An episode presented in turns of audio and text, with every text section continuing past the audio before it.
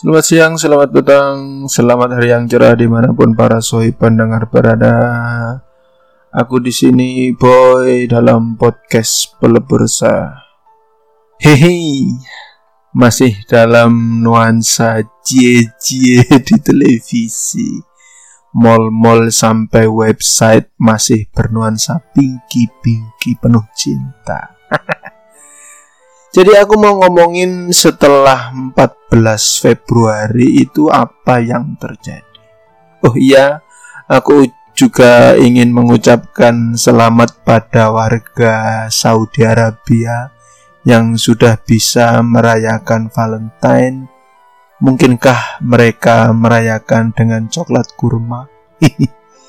Lalu bagaimanakah nasib para kadal kepanasan penentang hari kasih sayang ini? Masihkah para kadal-kadal itu mencari dalil hukumnya memakan coklat isi kurma? Aku doakan semoga akal nalar mereka berfungsi kembali, sehat kembali. Oh ya, sebelumnya aku ingin tanya, apakah para cowok ada yang dapat coklat? Apakah para cewek berhasil membuat atau memberi coklat? Ataukah ada yang memberi kejutan hadiah pada pasangan suami istri tunangannya atau mungkin pacarnya? Candlelight dinner atau nonton konser? Bagi para cowok yang gak dapet coklat atau belum dapet coklat, positif thinking saja. Mungkin pujaan hatimu gak bisa bikin kue coklat. Atau lagi Miss Queen. Jangan baper ya. Kalaupun ada yang dapat banyak coklat jangan GR dulu. Jangan-jangan kamu terjebak friendzone garis keras. Atau sedang terkena racun sahabat kekal yang abadi.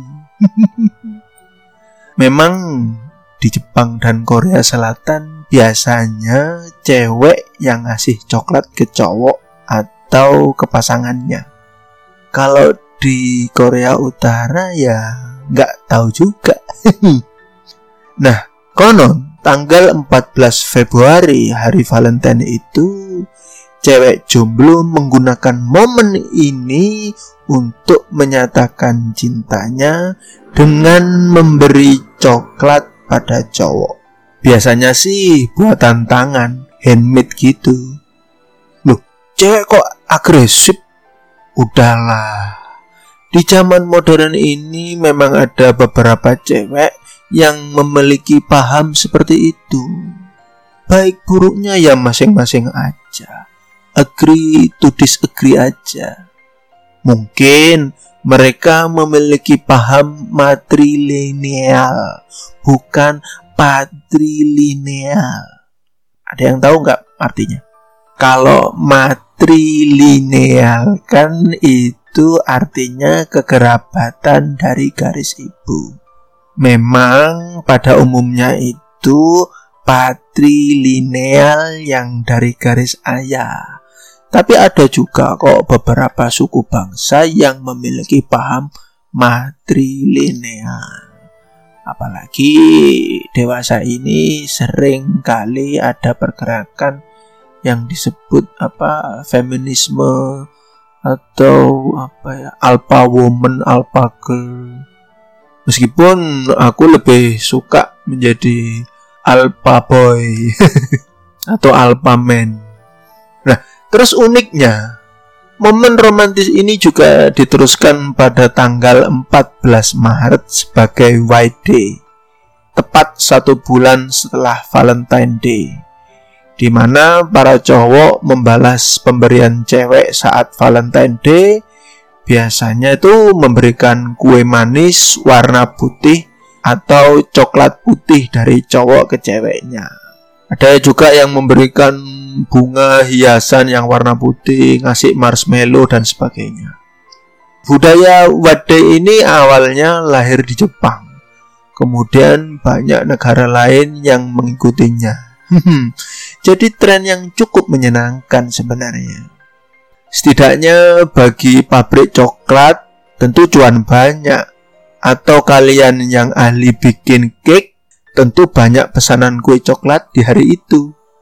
Sebenarnya dari berbagai sumber yang aku dapat pada tahun 1977 toko permen Ishimura Manseido dengan direktur eksekutifnya Pak Zengo Ishimura membaca majalah perempuan yang menyatakan bahwa tidak adil bagi wanita karena tidak dapat balasan dari pria yang telah mereka berikan coklat.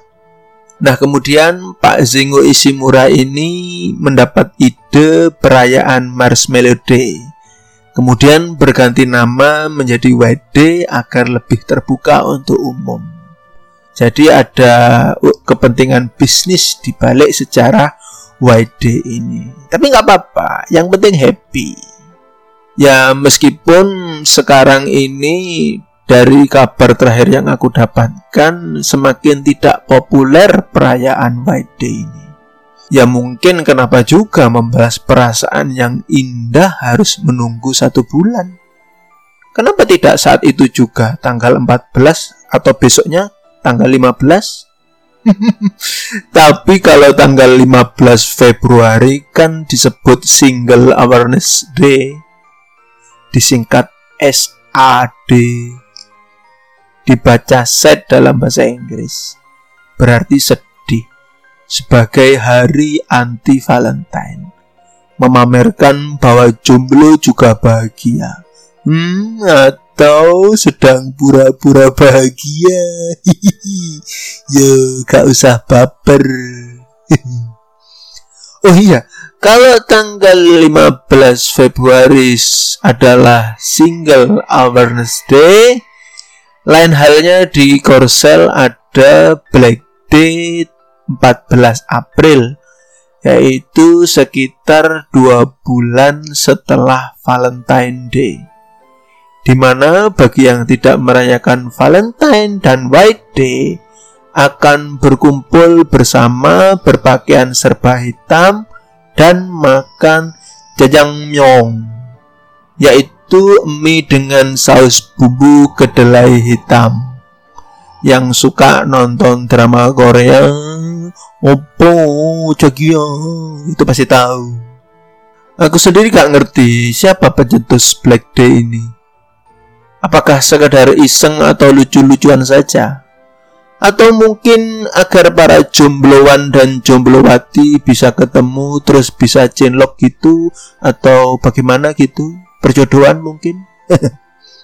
Cukup unik dan menghibur tradisi ini. Para pendengar merayakan yang mana? Atau justru jadi pihak yang mendapat banyak cuan karena jualan kue coklat dan bunga. Hmm, hmm, hmm, Bagaimana dengan aku sendiri? Apakah aku merayakan juga? Hmm, rahasia dong. Yang jelas aku punya konten bikin podcast di saat hari Valentine. Hehe. Ya memang sih banyak orang butuh alasan untuk merayakan sesuatu.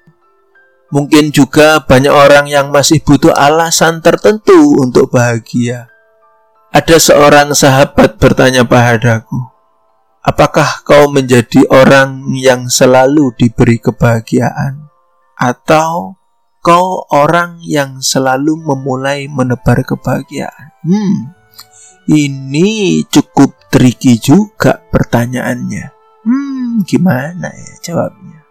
Romantika hidup tak melulu soal cinta, kadang harta, sering juga tahta banyak yang terjebak dilema penuh drama, padahal semua hanya sandiwara. Dalam dinamika realita dan fakta, kenapa kita tidak mencari Sang Maha Ada? Sampai jumpa lagi. Bye bye.